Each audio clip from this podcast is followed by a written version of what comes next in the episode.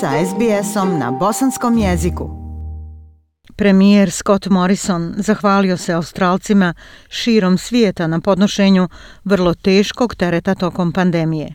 Gospodin Morrison priznao je da je to za njih bilo jako teško i frustrirajuće vrijeme.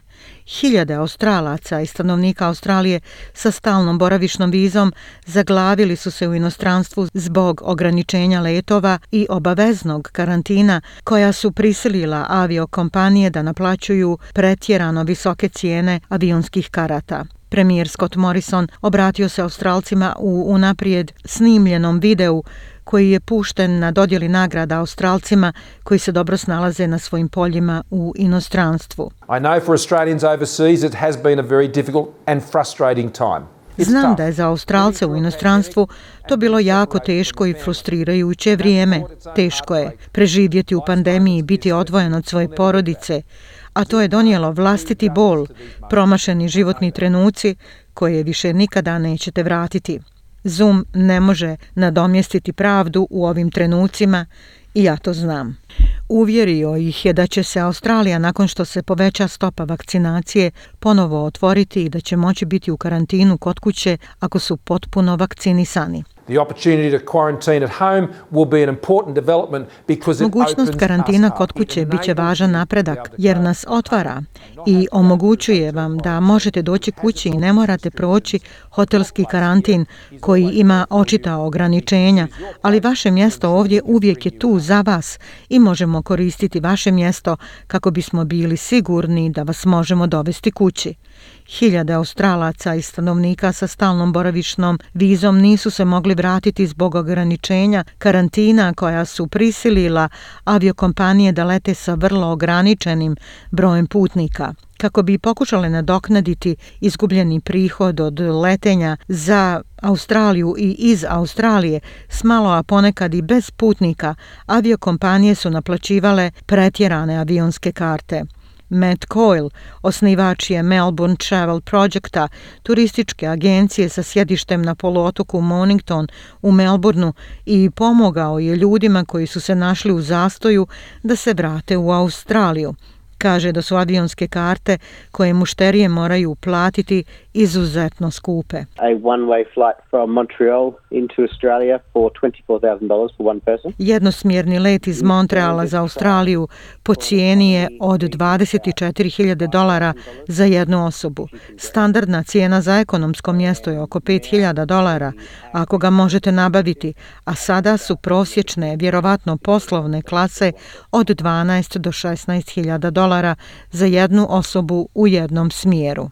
Michelle Parker ima stalnu boravišnu vizu i kaže da je većinu prošle godine provela zarobljena u Sjedinjenim državama zbog ograničenja na granici. Živjela je u Australiji 13 godina i radila kao član posade jedne od američkih aviokompanija koje je servisirala Sidney. Za razliku od članova posade Kvantasa, kojima je dozvoljeno da se izoliraju kod kuće, Michelle Parker kaže da se od nje očekivalo da će o svom trošku ići u karantin svaki put kad se vrati iz Sjedinjenih država. Sada je nezaposlena i vratila se u Sidney sa suprugom i troje djece, ali veći dio 2020. godine kaže da je bila zaglavljena u San Francisku.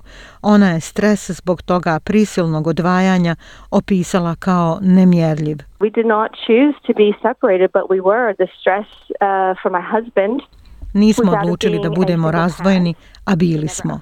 Stres za mog supruga bio je to što je bio samohrani roditelj, nikada nije tražio da bude samohrani roditelj.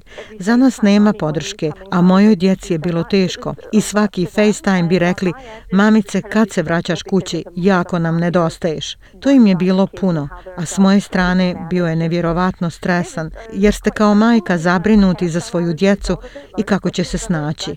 Da, bilo je prilično stresno.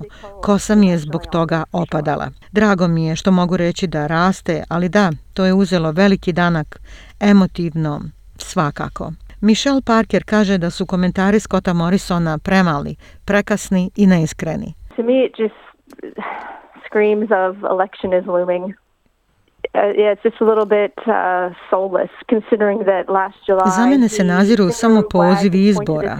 To je pomalo bez duše s obzirom da je prošlog jula mahao prstom i pokazivao na Australce koji su još bili u inostranstvu govoreći da smo imali priliku doći kući kao da je život samo tako uređen da možete označiti kućice i reći u redu, mogu se odmah vratiti. S malo obzira prema ljudima u drugačijim okolnostima, da se neki ljudi brinu o drugim ljudima, neki su još uvijek na poslu, imaju djecu u školi, ne mogu samo odmah doći kući i smatram da je samo malo neiskreno, vjerovatno najbolja riječ.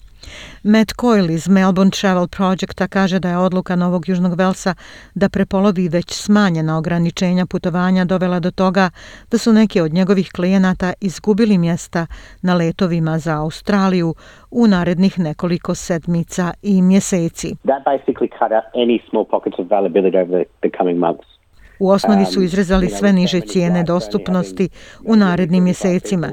Znate, stoliko letova koji imaju samo 35 ljudi, a ima ih samo 17. Ta otkazivanja, bez obzira na to što su ljudi platili, ljudi su dali otkaz posla, a zatim su popunili sve preostale dostupnosti koji su jednostavno eliminisali svaku drugu priliku za nekoga ko planira doći kući.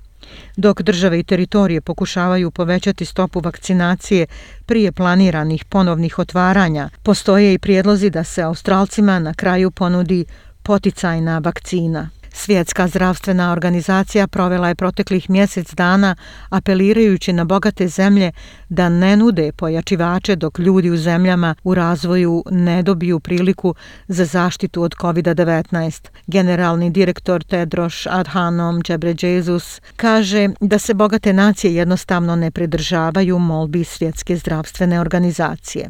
A month ago I called for a global moratorium Prije mjesec dana pozvao sam na globalni moratorij na pojačane doze, barem do kraja septembra, kako bismo dali prioritet vakcinaciji najugroženih ljudi u svijetu koji tek trebaju primiti prvu dozu. Došlo je do malih promjena u globalnoj situaciji od tada.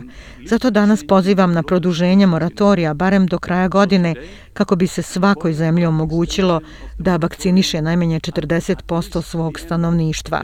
Dr. Džebre Jesus kaže da je dato mnogo obećanja i da je vrijeme da države ispune svoje ponude da pomognu.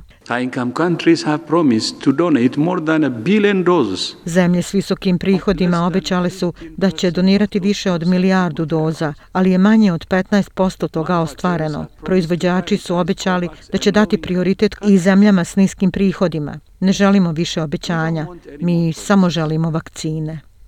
Za mjere zdravlja i podrške koje su trenutno na snazi kao odgovor na pandemiju COVID-19 na vašem jeziku, posjetite stranicu sbs.com.au kosa crta koronavirus.